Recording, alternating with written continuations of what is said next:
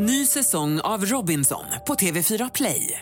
Hetta, storm, hunger. Det har hela tiden varit en kamp. Nu är det blod och tårar. Fan händer just nu. Det. är Detta är inte okej. Robinson 2024, nu fucking kör vi! Streama söndag på TV4 Play. Hej, jag heter Gry Forssell och du lyssnar inte på radiostationen Mix Megapol. I alla fall inte just nu, för du ska ju precis höra ett nytt avsnitt av Mord mot mord. Men först vill ju vi säga hej. Hej, hej, det här är NyhetsJonas. Det här är Carolina Widerström. Och här är Gullige Dansken. Ja, och så Gry då, då. Det vi vill säga är att när du har lyssnat klart på den här podden, då får du gärna lyssna på våran. Vi spelar in ett nytt avsnitt varje morgon av våra podd Kvartsamtal. Och hela radioprogrammet blir ju också en podd om man är väldigt morgontrött eller så. Just det, om man missar morgonen ja. Men mest av allt så får du gärna lyssna på programmet i direktsändning varje morgon på Mix Megapol. Live varje morgon från klockan sex och då har vi med oss massor med vänner också. Thomas Bodström, Babben Larsson, Johan Pettersson, Christian Luuk. Massor med coola människor som bara dyker upp och gör livet bättre. Ja, som jag, Gullige Dansken. Exakt så. Och så mycket bra musik och annat skoj såklart. Så vi hörs när du vaknar på Mix Megapol. Radio Play.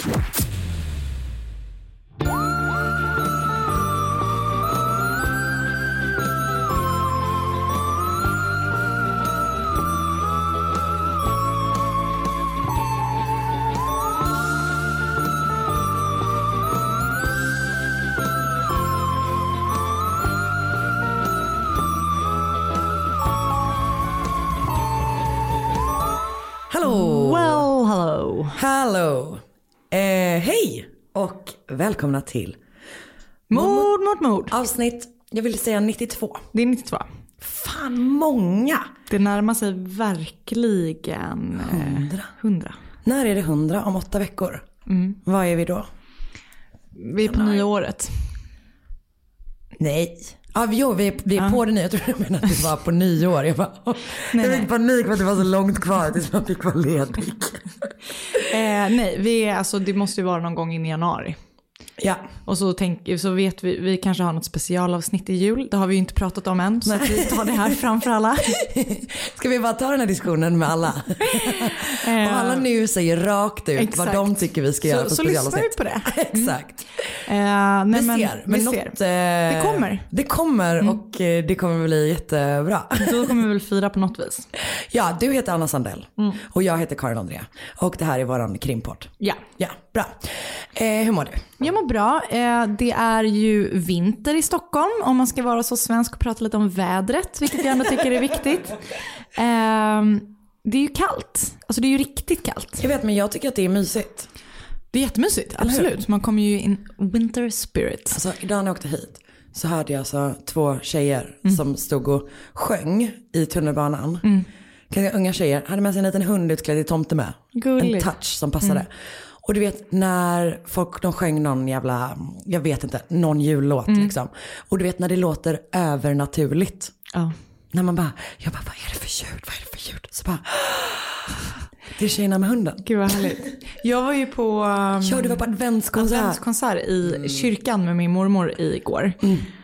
Och det, då var det alla den här församlingens körer som sjöng.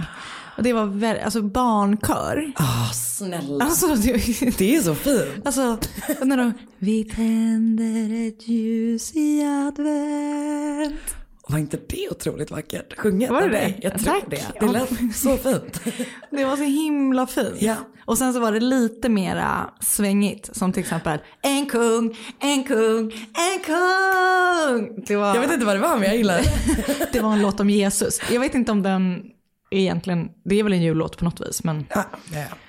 Så länge det är Jesus. kung, en kung, Jag vill att ni ska veta att Anna nu gör eh, liksom rörelser Koreografin. till. Och bland annat då även spirit fingers. Ja, så bra. Vi var på julmarknad igår. Jag vet, så mysigt. här. Köpte du något? Eh, jag köpte en julklapp till min mamma. Alltså hon lyssnar inte på det här och det var världens tråkigaste julklapp. Men Vad var det? En men hon- disktrasa med ett print på. Nej, det var nästan ännu tråkigare. Men för hon är så, hon är hon älskar en julmarknad men tycker också att alla är alldeles för stora. Hon, det Din blir, mamma? Ja, det blir Ja. ett så kallat ont i huvudet ställe.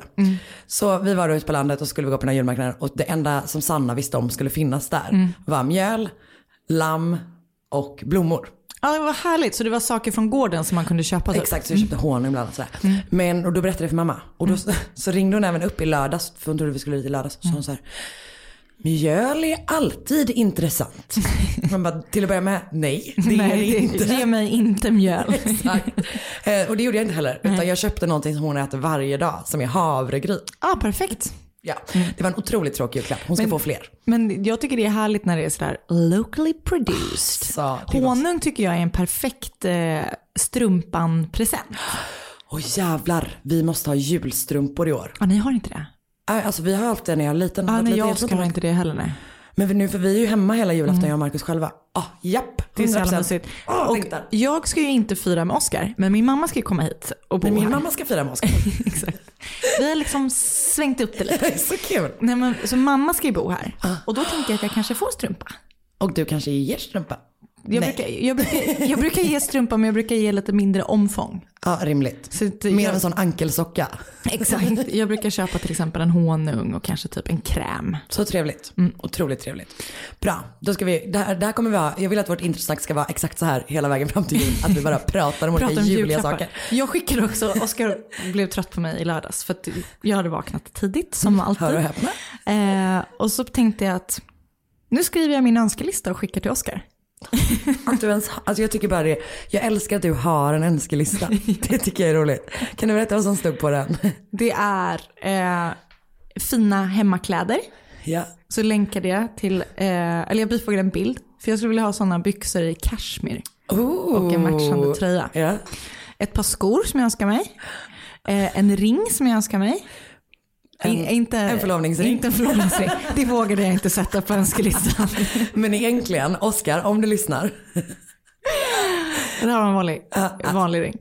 Eh, en väska. Det är många saker Anna. Ja, men man, får, man får välja. En, men två, hur många räknar du? Hur få kan han köpa utan att du blir sur? Allt var, för vi har satt en julklappsbudget i år. Ah. Så att allting ligger runt den budgeten. Jag köpte idag en chokladkalender till min kille. Vi är med på den nivån. Ja, jag letade efter en igår men de hade inga på min ICA. Vad- Men vad mysigt att du köpte. Fick du en av Marcus? Eh, nej, det har jag inte fått. Eh, han kommer också äta upp den alla imorgon. Det är det som är så fantastiskt när man är vuxen. Verkligen. Eller det är det som är så fantastiskt, när man är tillsammans med ett barn som inte har barns regler. Ni borde ha att ni öppnade varannan lucka. Jag vet, men jag funderade på att ha sån paketkalender, men sen orkade jag inte det. Det fick jag förra året. Det var min bästa, var min bästa Ja, men kalender. för då fick han redan köpt en sån. För jag tänkte att jag skulle köpa. Mm. Och göra. Ah, Sen bara, ah, men gud jag är inte så. Du har inte tid Karin. Men jag, och han är inte mitt barn. Nej. Och hade det, han varit mitt... Ni Mitt ska barn hade blivit, er. det jag menar är att det hade blivit, mitt barn hade blivit vidrigt om de fick jättemånga paket varje dag. Ja. Ja, skitsamma. Men du mår bra, som Jag man bra. säger. jag hann aldrig komma med bilen? jag hann inte komma med tillbaka frågan. Jo men det är bra. Det är bra. Jag hade haft en, eh, hade en traumatisk upplevelse idag dock. Okej. Som var att jag har då varit på landet hela helgen och liksom jag skrev ju till det också, jag bara, jag känner mig otroligt ful. Ja. Jag har också, Du, jag här- tycker inte att du är det. tack, jag men jag har också den här frisyren som blir när mina, mina Änglalockarna. Ja, eller som Marcus brukar kalla det, alltså mitt babyhår när det börjar sticka ut. Så brukar han säga att jag ser ut som baby Mozart. Så, Min pappa julklapp. kallar det för änglalockarna. Det Jag var tycker dina ser ut som änglalockar också. Det var finare än baby Mozart.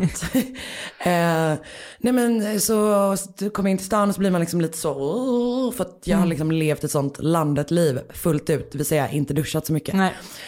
Och sen så åkte jag bussen och jag insåg exakt hur sleten jag såg ut när en, ett, en ung, kan kanske vara 13, kille på riktigt var på väg att ställa sig upp för mig. och jag var så här, tror han att jag är gravid eller tror han att jag är gammal? jag vet inte. Och du vet han insåg sitt misstag men han, det var en sekund han var bara ah, på väg upp. Och sen så ångrade han Fan sig. vad fräckt. Jag vet. Alltså snällt om jag hade varit då också att jag ville typ så här Exakt, applaud man, him. man, vill, man vill ju uppmuntra det beteendet. Ja, Men till, det är du är ju varken gravid eller gammal. Nej, nej inte så. Men då kände jag, fan jag måste göra Men något alltså åt. också bara till hans försvar, när man var 13, alltså du, då hade vi lika gärna kunnat vara 58 år. Ja, Fast jag hade inte rest mig för en 58-åring. Det är det man fattar när man själv blir äldre. exakt. Att man måste, liksom, man måste vara riktigt gammal för att Ja, ska alltså min mamma blir ju kränkt när någon försöker ställa sig för Exakt. henne. Hon är ändå snart 65. För, exakt, för jag gör, övervägde häromdagen. Ska jag resa mig här eller inte? Men jag reste mig och hon blev jätteglad. Ja. Men, Men jag, alltså jag, ska, jag ska också 70. säga så här. Jag kommer bli glad om någon ställer sig upp, även nu. Alltså gud Det är skönt att sitta liksom. Det. Jag hade förut en regel att jag eh, bara satte mig ner om det var fler än tre stopp. På Just det. tunnelbanan och så här. Ja. Nej, inte, Jag- inte längre. Jag har slopat den helt. alltså, det finns stolar av en anledning. Nu boxar jag mig fram om jag ska åka ett stopp. Ja, bra. Men och det, det tycker jag du förtjänar. Tack. Du har ett stressigt liv. Ja, jag måste Du få vila. vila, Ja. Du måste fan få vila. Och du ska få göra det alldeles strax, men vi poddar lite först tänker jag. Absolut. Ja. Ny säsong av Robinson på TV4 Play. Hetta, storm, hunger. Det har hela tiden varit en kamp. Nu är det blod och tårar. Fan händer just nu. Det. är Detta är inte okej. Robinson 2024, nu fucking kör vi! Streama söndag på TV4 Play. Ett poddtips från Podplay. I podden Något Kaiko garanterar östgötarna Brutti och jag, Davva, dig en stor dos skratt. Där följer jag pladask för köttätandet igen. Man är lite som en jävla vampyr. Man har fått lite blodsmak och då måste man ha mer. Udda spaningar, fängslande anekdoter och en och annan arg rant. Jag måste ha mitt kaffe på morgonen för annars är jag ingen trevlig människa. Då är du ingen trevlig människa, punkt. Något Kaiko, hör du på Podplay. Därför är gardinerna.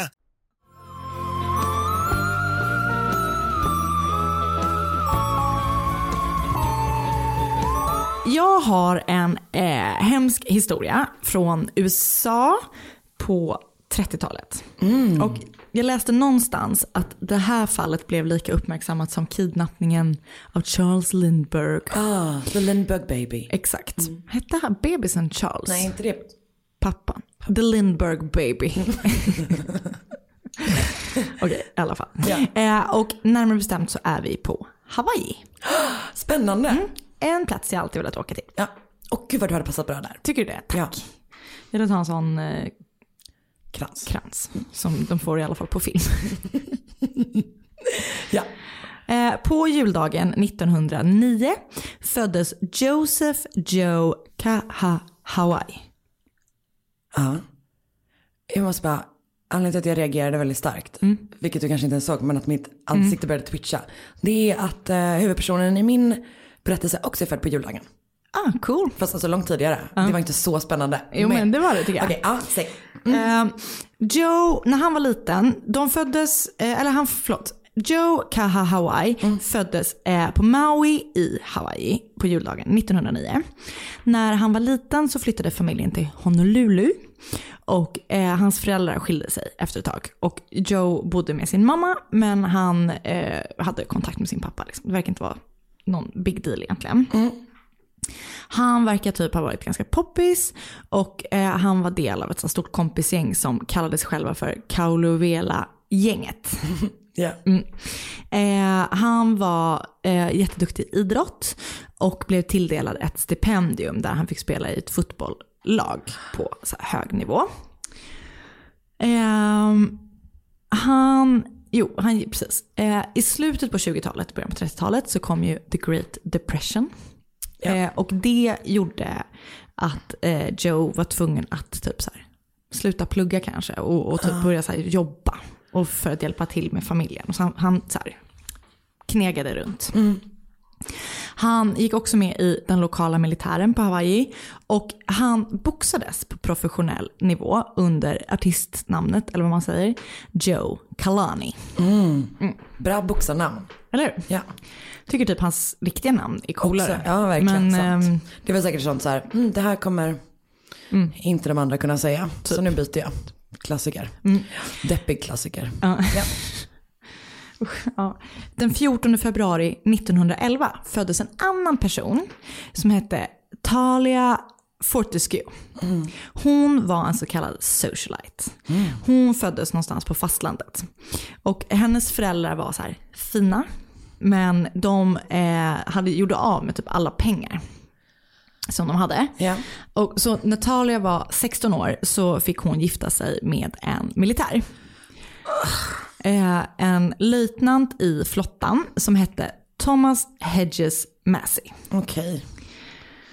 Och eh, det här var liksom inte ett lyckligt äktenskap. Hör och häpna, hon var 16. Exakt. De, jag vet inte hur gammal han var, men han är ju såklart markant äldre än henne tänker jag. Om han är eh, så. Men ehm, de bråkade jättemycket och hon typ började dricka ganska mycket. Eh, och 1930 så flyttade de två till Pearl Harbor. Eh, där Thomas blev stationerad. Och när de väl var där så, du, där var det liksom så här stor militär, amerikansk så här militär community. Eh, men, men hon själv, Talia, kände inte att hon passade in. Men hon, verkar, hon hade med sig sin mamma dit som heter Grace Fortescue. Men hon liksom, jag, det jag läste någonstans att hon beskrev det, det verkar som att hon tyckte att hon var finare och bättre än alla andra. Så att det, det verkar som att eh, hon, hon och hennes mamma levde på så här gamla meriter av att de var fina typ. Eh, och Talia och Joes vägar kommer att korsas på typ det sämsta sättet man kan tänka sig. Och det hade helt så här fruktansvärda konsekvenser. Och det här ska jag berätta om nu. Spännande. Eh, så i september, ett år efter att Talia och Thomas har flyttat till Hawaii, alltså 1931, så eh, hittas Talia gåendes på en väg av en man som heter Justice Bellinger. Okej. Han kör med sin bil på den här vägen och ser liksom henne och klockan är ett på natten. Eh, och så han bara, okej konstigt. Och jag vet inte om hon vinkar typ in honom eller om han stannar. Men klockan är då ett och hon är helt ensam på typ en sån här landsväg. Och hon är på väg från en fest. För hennes man Thomas har då tvingat med henne på en fest. Hon har inte velat gå. Eh, men så har hon då blivit medtvingad. Och när hon väl har varit på festen eh, så, så har hon typ blivit raggad på eller antastad av eller någonting av en av Thomas kollegor som var en man som kallades för Moose. Han var så en stor vuxen kar typ. För under kvällen har de suttit och pratat och sen har hon, ingen har sett vad som har hänt, men hon har rest sig upp och så slagit honom i ansiktet och sen gått därifrån. Good for her. Ensam liksom. Och, och hon har, jag tror inte heller att hon har sagt till sin man, utan hon bara drar liksom för att hon vill hem. Okej. Så den här uh, Justus, jag tror att man uttalar hans namn så. Justus. Men fast det stav, ah, skitsamma. Vi Ja, säger att han heter Justus. Justus. Justus, gulligt namn. Mm, det är gulligt. Eh, han stannar då för att plocka upp eller liksom se vad som har hänt. Sådär. Och det visar sig då att hon har blivit så här illa slagen. Hon har blivit liksom överfallen och slagen. Så hon har en bruten käke. Det är verkligen ont. Mm. Panik. Hon säger att hon har blivit, hon sätter sig då i bilen så här och de bara men gud vad har hänt? För det är Ju- Justus och en annan man i bilen. Och de är så här, men gud vad har hänt och hur mår du? Och hon bara, nej men jag var på väg hem och jag har blivit överfallen av fem eh, hawaiianska eh, killar. Okej, ja. Eh, hon har inte sett vilka det är, men de är liksom eh, alltså ursprungsbefolkning. Befolkning. Men är, är de i Pearl Harbor nu? Ja. Mm, ja, okej. Mm. Eller ja, precis. Ja, ja. Pearl Harbor ligger ju Ja, på ja. Honolulu. Då är med. Eh, Mm. Okej. Så jag vet de är inte i Pearl Harbor. Nej, men, de är typ, eh, ja. Men ja. Okej, jag fattar. Mm. Eh, Så hon har blivit överfallen av fem killar.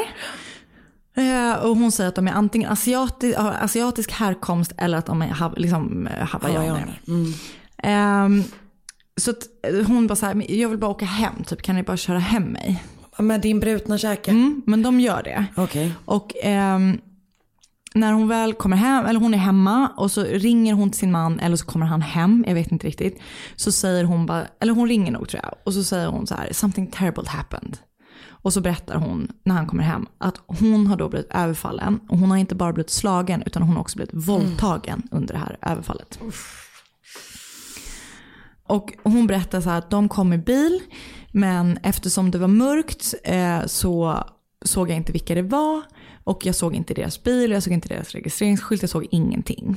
Så de har typ ingenting att gå på. Men eftersom hon är så här en vit, fin kvinna så ger sig polisen ut med en gång och bara så här, vi ska hitta den, de som har nej. eh, överfallit den här kvinnan. Och ganska snabbt, jag tror så här, liksom samma kväll, så griper de då eh, fem män. Och ehm, de, alla de här männen har då asiatisk eller hawaiiansk härkomst. Och eh, de har tidigare under kvällen, om det är alla eller om det bara är några av dem, varit i typ någon så här min, mildrigare bilolycka eller det har hänt Oj. någonting.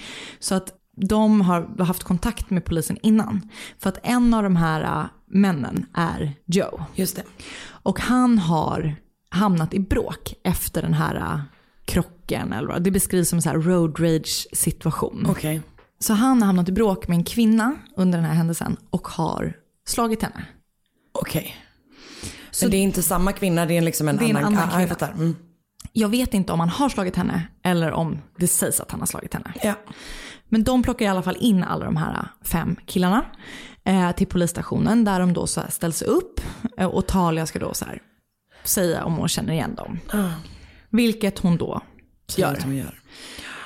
Och ja, som en händelse så kan hon också registreringsnumret som tillhör en av de här personerna som har varit inblandade i den här olyckan tidigare. Okej. Och man tror att hon har snappat upp det här registreringsnumret. För hon har ju så suttit hos polisen och Ah. typ hört så här äh, Just samtal. hon sa ju att hon inte såg Hon visste- bilen, Nej, ingenting. ingenting. Så Och det sen känns helt att plötsligt- hon, ja exakt.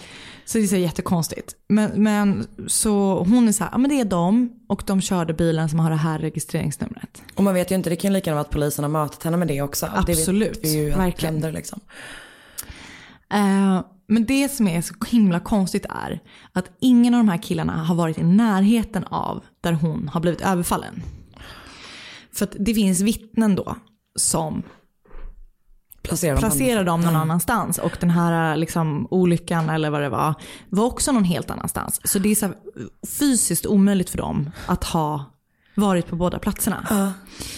Så att, så här, å ena sidan står eh, polisen med hennes utpekande av dem. Och å andra sidan så är det liksom så här, det faktum att så här, nej, de var inte. inte där. Alltså de, de kan inte ha varit där. Eh, och det verkar så konstigt allting. Men, men det, det faktum som kvarstår är att hon har ju en bruten käke. Någonting har ju hänt. Någonting har ju hänt. Ja, ja. Men när läkarna undersöker henne för att se om hon har blivit utsatt för våldtäkt Ja. så hittar de inga bevis för det. Nej. Och Så- det behöver man väl inte alltid hitta i och för sig liksom. Men, Så är det ju säkert. Men hennes käke är av. Käken är bruten. Eh, och det finns då teorier om vem som egentligen har slagit henne. Ja. Och det man tror, eller det finns folk som tror, att det är den här Mus som hon har hamnat i bråk med innan. Eh, för att han har ju då liksom motiv för att hon förnedrade ju honom eller du vet så. Så antingen så vågar hon inte säga någonting eller så skyddar typ polisen hellre militär, alltså någon så här högt upp, uppsatt militär än de här unga killarna. Och eh, så här, hawaiianska unga killar blev under 30-talet så här, du vet, kall, de kallades för eh, eh, Beach Boys. Som var typ, eh, de framställdes som personer som är så här låg moral och att de, ba, deras enda syfte var typ att förföra eh, turister eller så ensamma kvinnor vars män typ var, du vet så. Good old racism. Absolut. Ja, ja. Eh, så att, ja, Det finns en jävla massa skit där. exakt. Så. Men trots då att det typ inte finns några bevis så ställs de ändå inför rätta för det här. Men för att det inte finns några bevis så släpps de. Okej, okej. Så att de ställs inför rätta, vilket man ju tycker att de inte ens borde typ Nej, nej. behöva göra. Men, men det gör de. Men de släpps också. Mm. För att utöver då hennes utpekande så finns det inga konkreta bevis. Så de släpps allihopa eh, på fri fot. Men de är ändå så här, hittar vi någonting så blir det en ny rättegång. Och då ligger ni pip till. Typ så. Också bara kul att typ leva, försöka leva med det. Att det här, när som helst kan man typ Ja. igen bli anklagad för. Men det är ju den här jävla double jeopardy. Men ah, skitsamma. Jag vet inte. Nej, men, nej. men, och det som jag, så som jag förstår det så var de alla tvungna, eller om det bara var Joe för att han hade slagit den här kvinnan, men de var så tvungna att rapportera in, alltså de var typ på parole, eller du vet så att de var så här varje morgon måste ni rapportera in till typ rådhuset eller polisen eller vad det var. Så att de släpps men det är ändå lite på, på nåder så. Eh, och att de släpptes skapades, eh, skapades så här sjukt mycket upprördhet på militärbasen på Hawaii. För där så tyckte man att det var helt otänkbart att en vit kvinna hade blivit överfallen av de här männen och sen blir de friade. Så de, bara, men om det inte är de männen. Exakt. Så... Och eh, Ah. du vet de är så här stackars familjen Massey som de heter och, och Talias mamma som den här Grace. Hur, att de har blivit så här utsatta för det här. Det känns ju lite alltihopa som typ så Central Park 5 liksom. Alltså, Absolut. det är verkligen, ja, usch. Det är så, jävla, alltså, det är så hemskt verkligen. Men efter den här domen då så bestämmer sig Thomas Massey, alltså Talias man, och eh, hennes mamma Grace Fortescue bestämmer sig för att så här, vi tänker ta saken i egna händer. Så eh, de bestämmer sig för att så, skapa någon egen form av rättvisa. så de, bra. de ger sig efter, till att börja med, den första personen de ger sig efter är den person som ägde den bil som Talia påstod hade varit en del av hennes överfall. Han hette Horace Aida. Och när de hittar honom så misshandlar de honom superbrutalt och hotar honom att så här, vi kommer kasta dig från den här klippan, vi vill bara att du ska erkänna, du vet. Men han lyckas på någon, något vänster fly.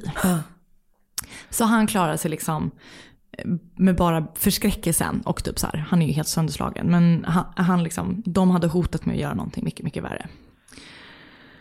Eh, och eh, om det var, så de, de, de liksom misslyckas grova sådana här eh, med honom.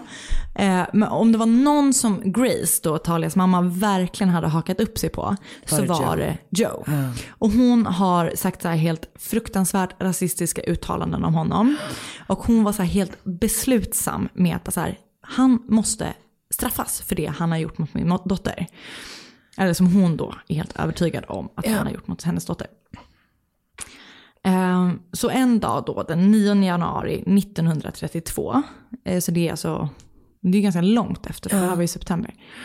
Eh, Så är Joe då utanför rådhuset tror jag att det var, i Honolulu tillsammans med sin kusin Eddie. För att han hade rapporterat in sig då hos sin övervakare eller vad det var.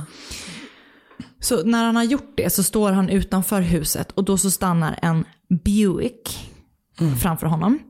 Och typ föraren så här, typ visar upp någon slags så här rättslig kallelse eller något så dokument, något slags juri, juridiskt dokument. Och bara hoppa in i bilen, du måste följa med in i bilen.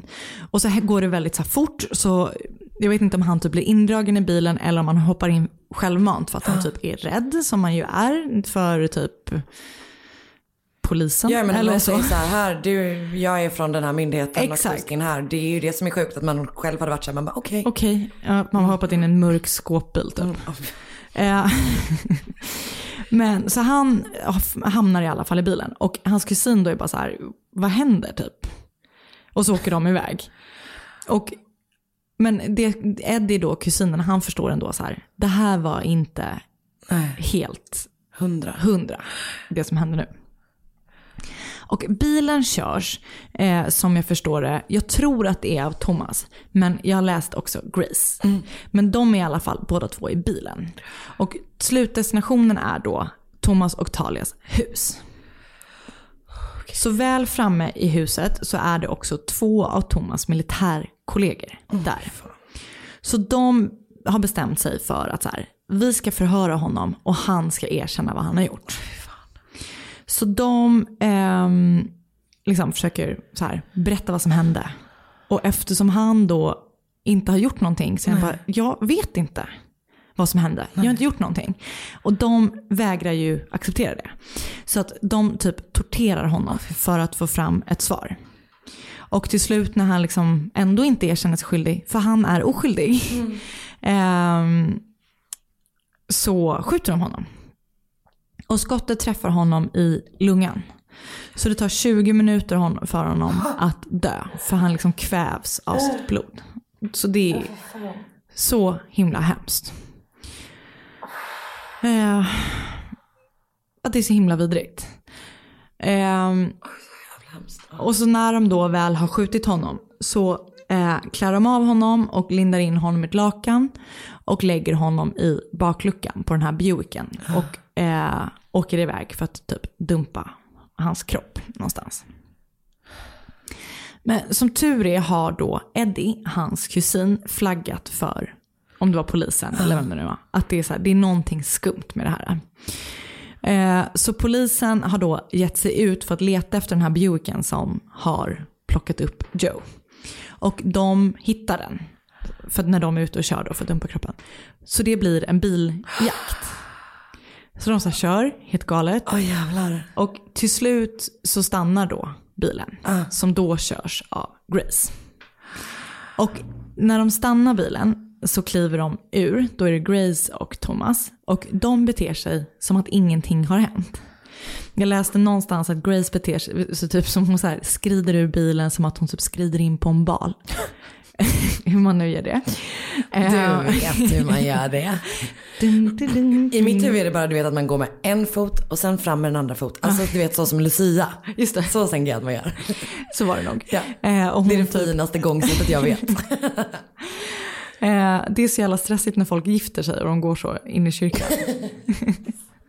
Också stressigt för att det tar 8000 år. Exakt, man bara kom igen, kom igen. verkligen. Kom igen. Ehm, We're trying to get to the buffet.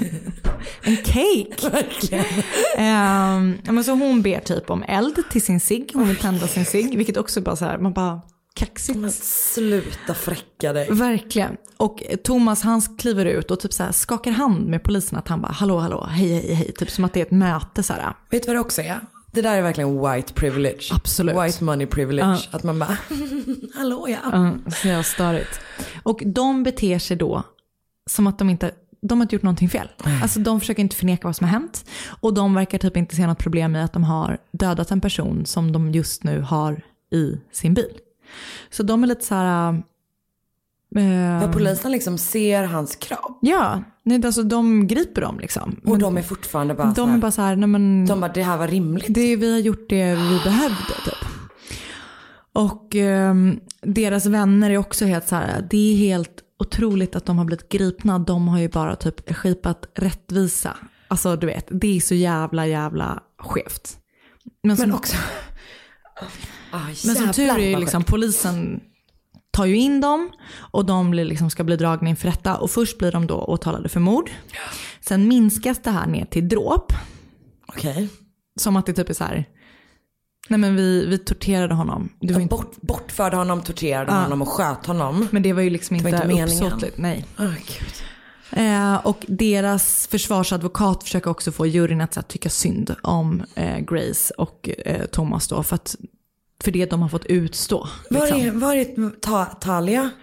Hon är, blir typ en liten parentes i det här. Men jag tror inte hon är liksom inte drivande i det här. Men också typ den panik, eller du vet. Sån panik Hon hade ju också kunnat vara såhär bara, nej men hörni. Stopp, det- jag ja. ljög. Ja. Alltså så här, nu när de börjar ut och jagar folk för att typ Exakt. misshandla dem till döds. Mm. Åh gud panik. Eh, så Okej. jävla hemskt. Men jag tror typ, alltså jag vet inte, jag känner ju inte henne. Men det känns inte som att hon typ bryr sig. Alltså hon verkar vara så här riktigt likgiltig. Men och de här person. människorna bryr sig, eller så här, Men ingen det är bryr sig. uppenbart att de ser på eh, liv olika. Absolut. Liksom. Eh, men så de i alla fall, eh, eh, ja, ja. juryn går liksom inte på det den här försvarsadvokaten säger. Så de döms då till tio års fängelse. Men det som händer, som är så jävla vidrigt, är att när de har fått sin dom så bestämmer sig Hawaiis guvernör för att typ så här, ge dem nåd. Så han sänker deras straff från tio år till en timma som de ska dricka champagne tillsammans med honom på hans kontor. Och sen så är de fria. Skojar med mig? Nej. Men de har ju dödat någon. Alltså det, är, nej men det är så upprörande. Och tyvärr, det här har typ liksom ingen, Det finns ingen det finns ingenting positivt i det här tyvärr. Eh, nej, alltså, eh, det, jag, jag, Gud det här är typ det. nej men det är så vidrigt fall, verkligen. Så efter att de då har avtjänat det här straffet på en timma eh, så tar de typ första bästa skepp från Hawaii för att så lämna ön. Och så åker de till San Francisco och det som också är så jävla vidrigt är att när de kliver i land där så blir de också typ hyllade som hjältar. Alltså det, det jag ska säga är att det finns ju en jättestor community som alltså är outraged. Ja, ja, såklart. ja, självklart. Men så är det ju den här lilla vita, vidriga gruppen. Som har skitmycket makt och pengar. Liksom. Det är så riktigt eh, Ku Klux Klan-stämning. Alltså, Fan vad sjukt. Alltså, det är så jävla vidrigt. Ehm, Så det är liksom, de kommer dit och typ är såhär, du har, vad, vad bra ni är som typ har försvarat den, våra vita kvinnor. Typ så. Ehm, och efter att eh, de hade åkt så gjordes ytterligare en utredning av den här kvällen då. Eh, och eh, allt visade liksom, även i den utredningen på att det är omöjligt. De hade typ inte kunnat överfalla honom. Tyvärr så blir den aldrig offentlig. Så att de här killarna får liksom aldrig resning. Men vad fan. De blir aldrig dömda för någonting, men de får heller aldrig resning. Fastän det är så här, de kan inte ha gjort det. Det här är liksom, vet du vad det är? Det är ett sånt fall som man så här, så det känns som att det är så här långt senare kommer en nyhet om att så här, du vet bara liksom, Typ. alltså vad heter det, symboliskt Ja, liksom. Och det kan man ju hoppas, för de här, antar jag att liksom. de här killarna var ju typ 20 1930, så de, förmodligen så är det väl ingen som lever, och lever de så är de väl typ över 100 nu. Eh, men Ah, det är så jävla hemskt. Och eh, när eh, Talia och Thomas väl var tillbaka liksom på mainland så gick de ganska snabbt skilda vägar efter det. Och jag vet inte vad som hände med honom, men hon typ träffade aldrig någon ny och så levde hon helt i sin ensamhet fram tills hon dog 1963. Då var hon typ 50 år gammal. Oj. Eh, så det var det här vidriga fallet. Men alltså just det är den där grejen som typ inte är, som vi som typ vita har typ, alltså bara det känslan av att så här hela rättssystemet, hela Ah, ja. polisen är liksom ute efter Mm, en. så jävla vidrigt. Alltså, Och det är det som är så störigt här på något vis för att så här, eh, polisen griper dem ju ändå. Eh, Och de döms. och de döms. Juryn dömer dem. Men sen så är det ändå någon som har mer makt som bara, nej nej, men kom och drick Det champagne hos mig grej. så skriver vi av det här typ. Så jävla jävla vidrigt. Och jag tänkte på när jag, när jag liksom hittade det här, så jag såg häromdagen dokument utifrån, eller inifrån. Inifrån. Men det finns både utifrån gör och inifrån nämligen. så det är något av dem. Men om eh, han som har infiltrerat eh, alt-right, Ah, ja just det. Mm. eller extremhöger. Ja. Har du sett den? Nej. Alltså du måste se den. det är så jävla Det är obehagligt. så jävla obehagligt. Det är så jävla grovt. Alltså det, och att han har gjort det. Alltså fan vilken modig man. Ja. Alltså, Ah, fan. ah, den är så jävla läskig. Så att, eh, det här var i alla fall fallet om Joseph Kahawai. Och eh, mina källor Ja. har varit Wikipedia, som var väldigt omfattande. Eh, både om honom, om den här rättegången och om henne. Eh, så var det också en artikel i Historiska brott som heter Dödade Talias lögner en oskyldig man. Och sen så var det en artikel i The Independent som hette Paradise Lost, Hawaii Scandalous Talia Massi Trial. Men det är också den grejen som är så här. Alltså någon person som knäckte hennes käke. Går ju, Går fri. fri. Ingenting hände. Med den Nej, personen. det är sån jävla skydds... Eh, Ja, det är så jävla vidrigt, alltså. obehagligt. Men jag tänker typ att det blir såna, just den här typen av liksom så här, de har typ dragit dit och jobbat som, eller i militären. Alltså det blir sån jävla typ så hålla varandra om ryggen stämning liksom. Vidrigt. Fuck vad sjukt. Ja, jag är ledsen. det här var verkligen vidrigt fall. Alltså det är ju, ja, som alltid typ, man bara hur kan man aldrig höra talas om det? Det var jättespännande Ja. och jättehemskt. Och tack snälla. Tack. Ny säsong av Robinson på TV4 Play. Hetta, storm, hunger. Det har hela tiden varit en kamp. Nu är det blod och tårar. Fan händer just det. Det är detta inte okej. Robinson 2024, nu fucking kör vi! Streama söndag på TV4 Play. Ett poddtips från Podplay. I fallen jag aldrig glömmer djupdyker Hasse Aro i arbetet bakom några av Sveriges mest uppseendeväckande brottsutredningar. Går vi in med hemlig telefonavlyssning och, och då upplever vi att vi får en total förändring av hans beteende. Vad är det som händer nu? Vem är det som läcker? Och så säger han att jag är kriminell, jag har varit kriminell i hela mitt liv men att mörda ett barn, där går min gräns. Nya säsongen av Fallen jag aldrig glömmer på Podplay.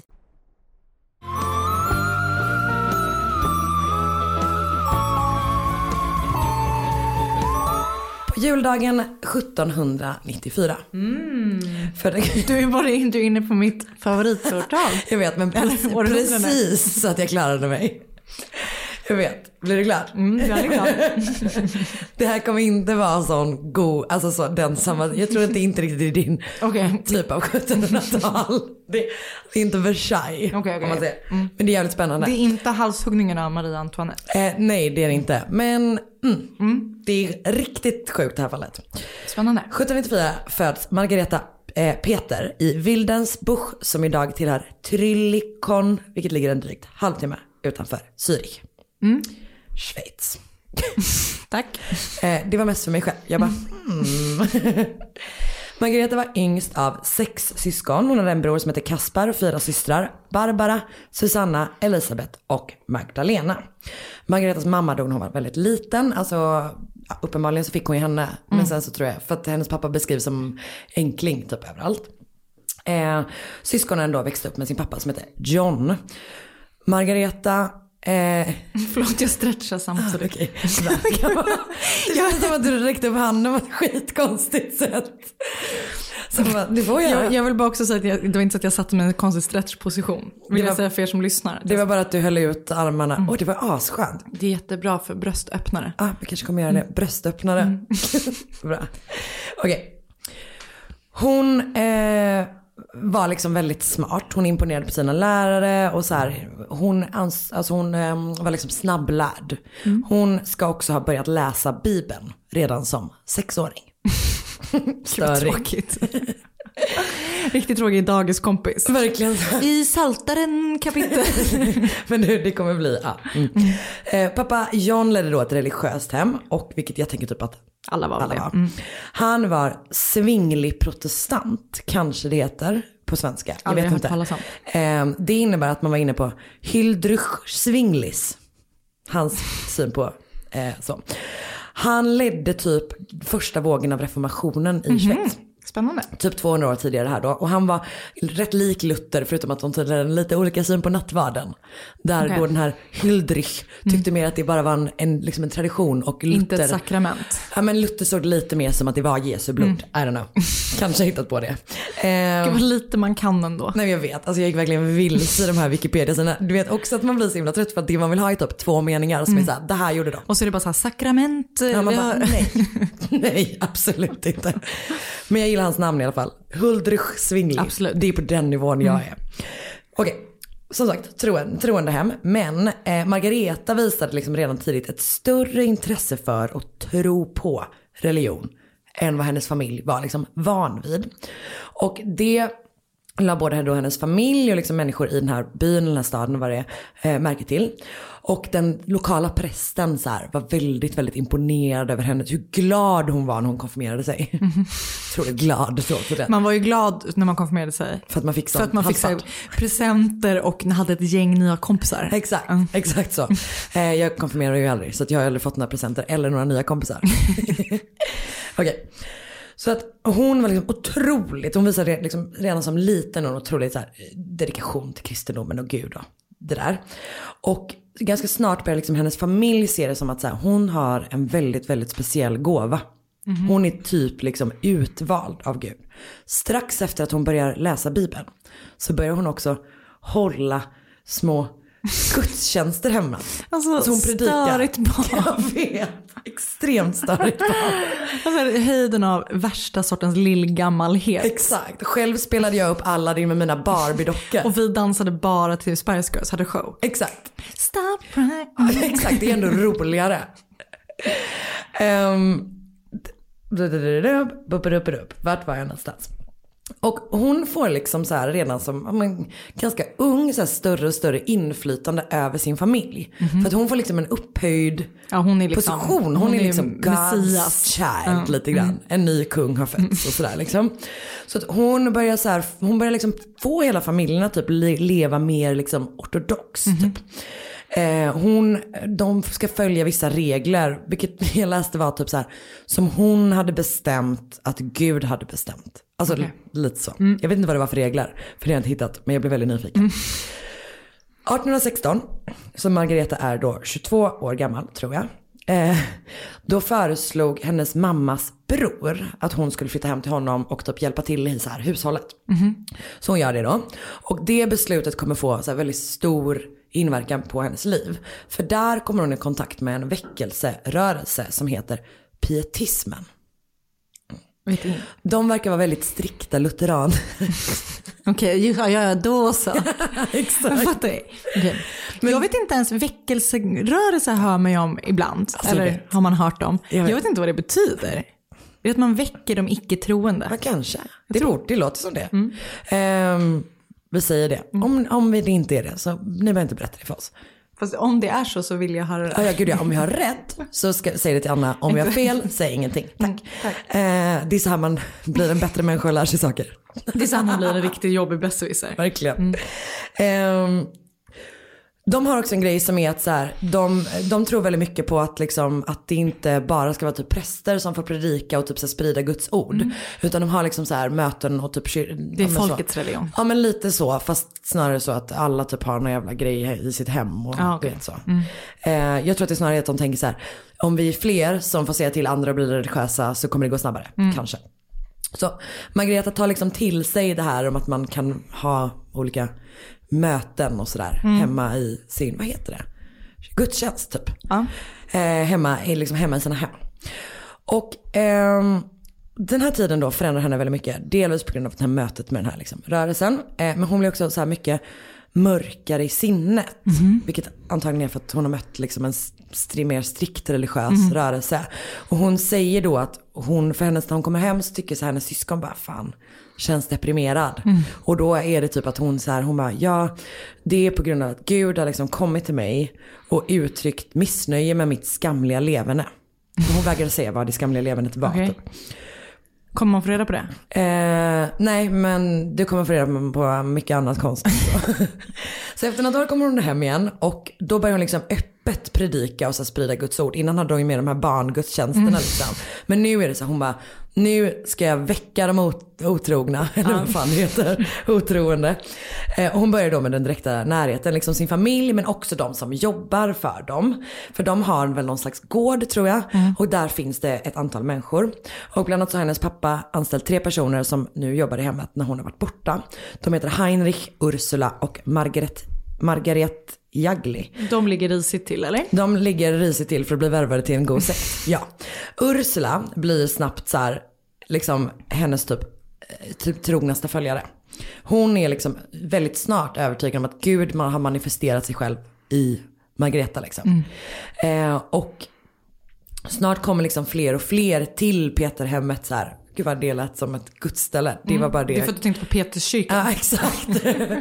Eh, för att liksom höra henne predika och så här, höra hennes take på religion. Liksom.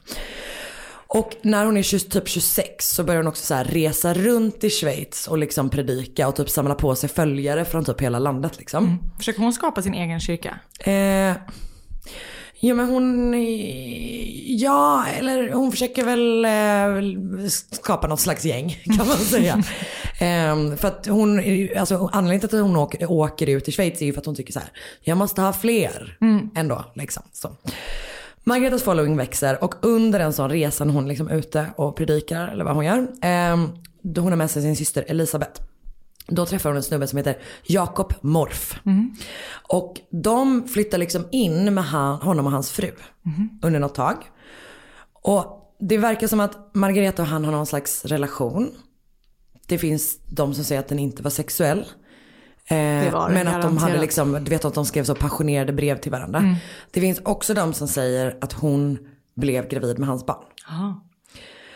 Och hon, förs- Margareta och Elisabeth försvinner också under tre månader och liksom blir eftersökta av polisen och så här. Mhm. Och när Margareta kommer tillbaka så är hon så här sjuk och blek. Och liksom så vägrar säga vart hon har varit. Så jag tänker typ att så här, det... Hon har varit och fött ett barn. Ja men eventuellt Mm. liksom. Jag tänker att det kanske är det de källorna antyder som Mm. jag nu tolkade. Jag tycker det var en Ja, men tolkning, Ja, absolut. exakt. Och ehm, det man vet liksom när hon kommer tillbaka är då att liksom så här, hennes läror är så här mörkare än någonsin och mycket liksom mer extrema. Efter att de kommer hem från den här resan så låser typ hon och Elisabeth in sig på ett rum på övervåningen på deras gård. Och alltså ber och läser bibeln konstant. Mm. Det är det enda de gör. Förutom eh, när hon, alltså enda gången hon lämnar rummet är när hon så här går ner för att typ tala för sina följare. Mhm. Och sen går hon upp igen. Och nu börjar hon liksom predika väldigt mycket om djävulen. Mhm. Och är liksom du vet mycket så att så här, djävulen är överallt, han är runt oss, vi måste vara försiktiga. Alltså liksom verkligen så här, ja men skrämmer upp sina följare väldigt mycket. Eh, och hon säger också att så här, snart kommer Satan och hans följare att liksom anfalla oss. Mhm. Och vi måste rusta för krig. Mm. För att så här, de kommer, jag ser det, jag har sett det liksom. Och hon eh, då deklarerar att så här, det är bara deras, den här gården, det är bara liksom Peters eh, hushållet som är en säker plats. Och alla utanför den här gruppen, alla som inte följer henne är liksom onda och typ så här, Satan har tagit dem liksom. Och eh, det hon gör är helt enkelt hon så här, får dem att inte lita på någon förutom henne helt enkelt. Bara avskärma dem totalt. Och tydligen så försöker liksom en präst typ så här gå till huset och vara så här, vad är det som händer här? Och hon är direkt så här, bara avfärdar honom som en sån satansdyrkare liksom. Mm.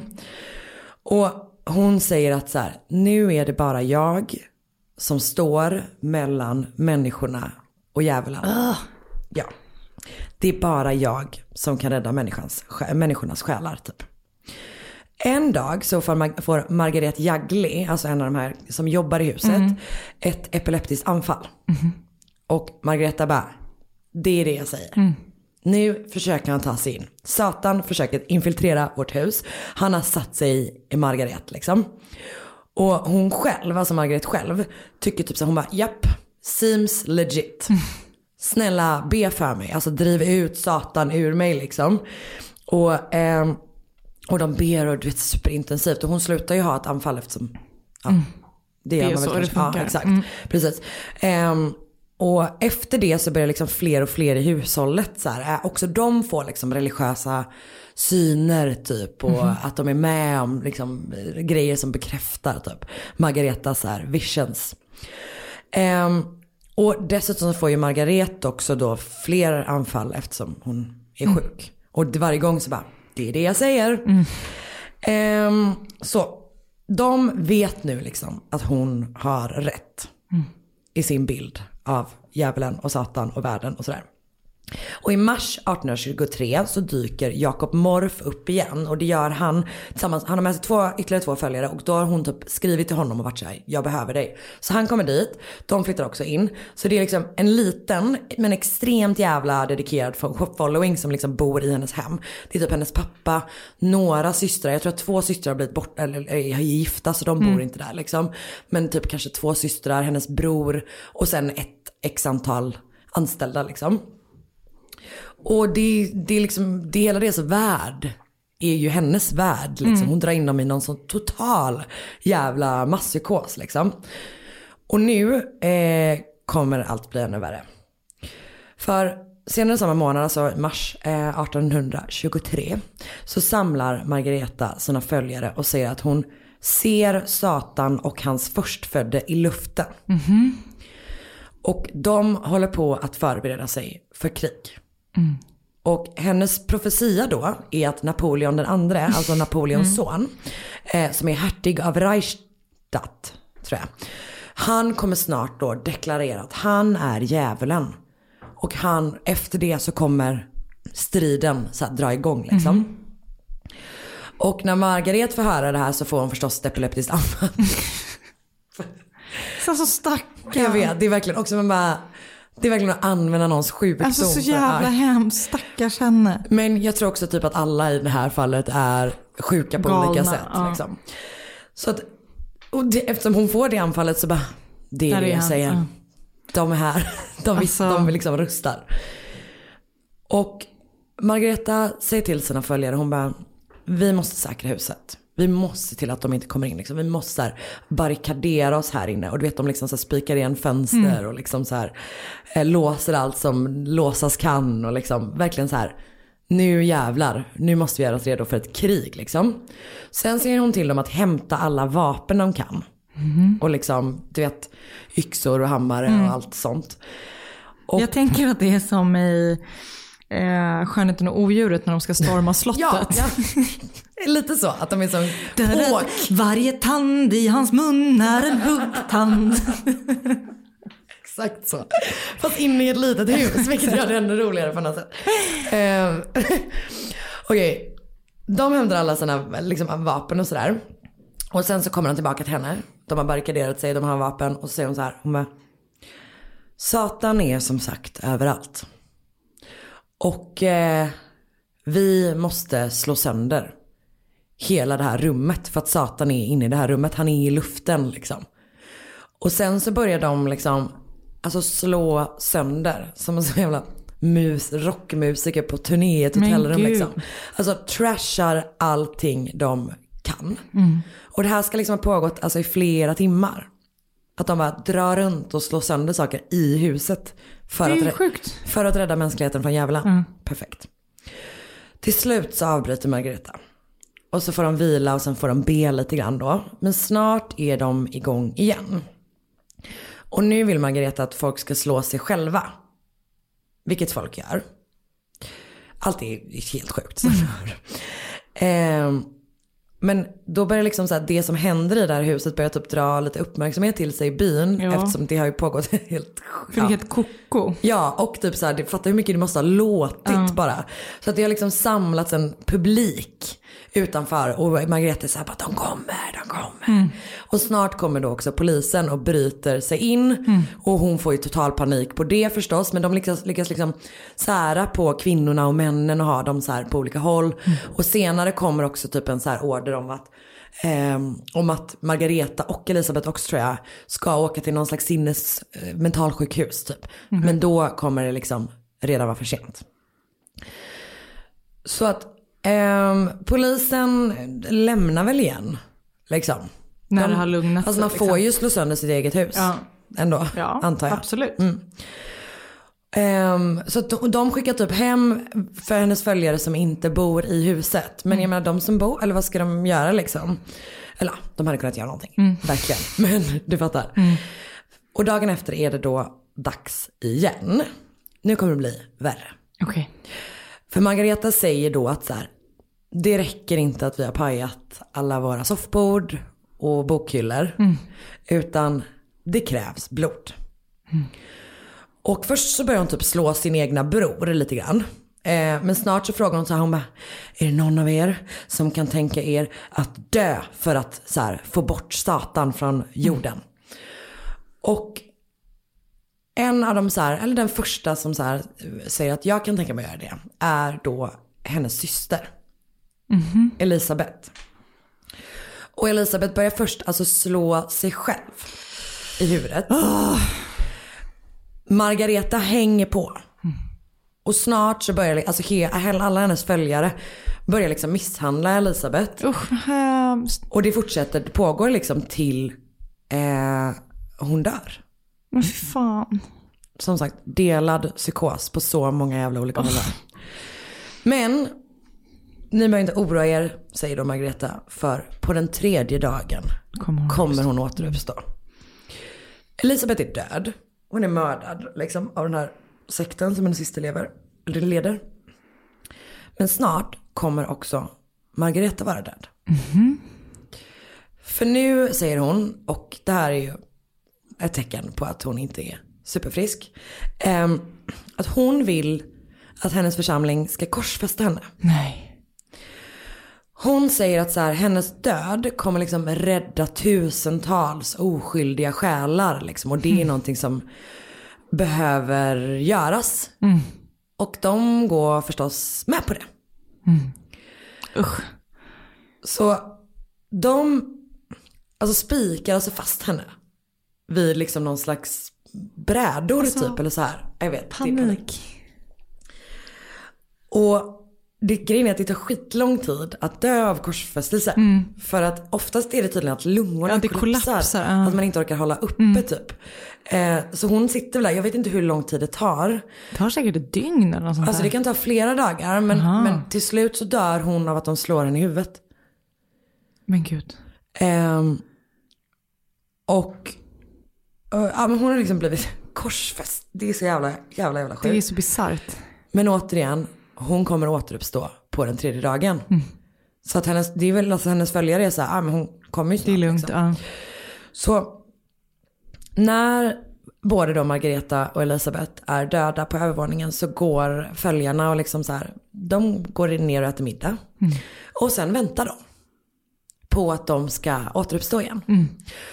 Och jag läste någonstans att typ så här, någon gång under de följande dagarna så går vissa följarna, jag tror att det är hon Ursula och typ någon mer, kanske han Jakob, och typ tar ut spikarna och så här liksom. Mm. Men de, det enda de gör är att de går runt i huset i tre dagar och väntar på att de ska återuppstå. Men fan. Tre dagar går ju. Alltså, det är Hör så och häpna. De återuppstår ju inte. Det varit så de hade sjukt. jobbat. Och vet du vad? De återuppstod. Det hade varit så... Verkligen. Så man bara, varför har vi inte tagit, varför vet, känner vi inte till den här historien? Det måste ju ha iscensatts någon sån återuppståndelse någon gång, tror du inte det? Kan, när, jag dör? Då gör vi det. Tack. Ah, hologram.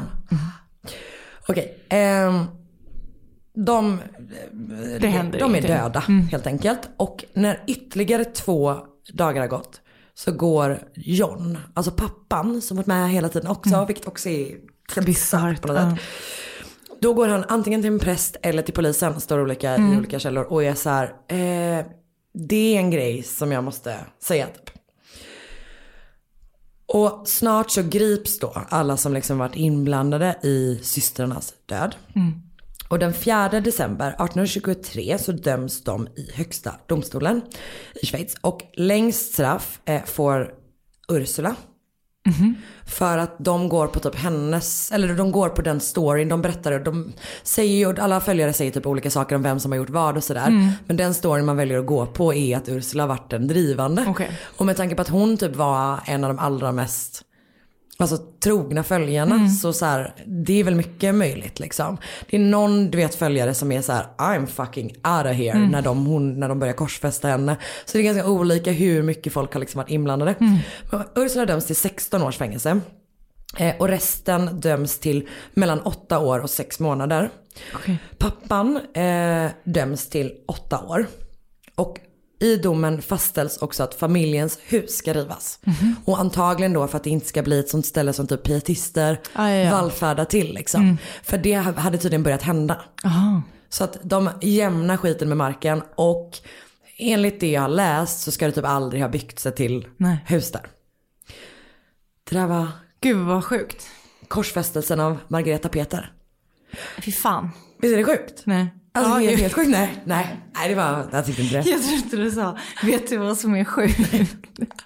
Det var jättesjukt. Det, var så jävla konstigt. Ja. fruktansvärt. Okej, jag har fått eh, mycket information från bruminate.com. Mhm. De har en artikel som heter The Crucifixion of Margareta Peter. Eh, från ancientorigins.net som har en artikel med samma eh, namn. Mhm. Och förstås Wikipedia. Älskade Wikipedia. Älskade Wikipedia.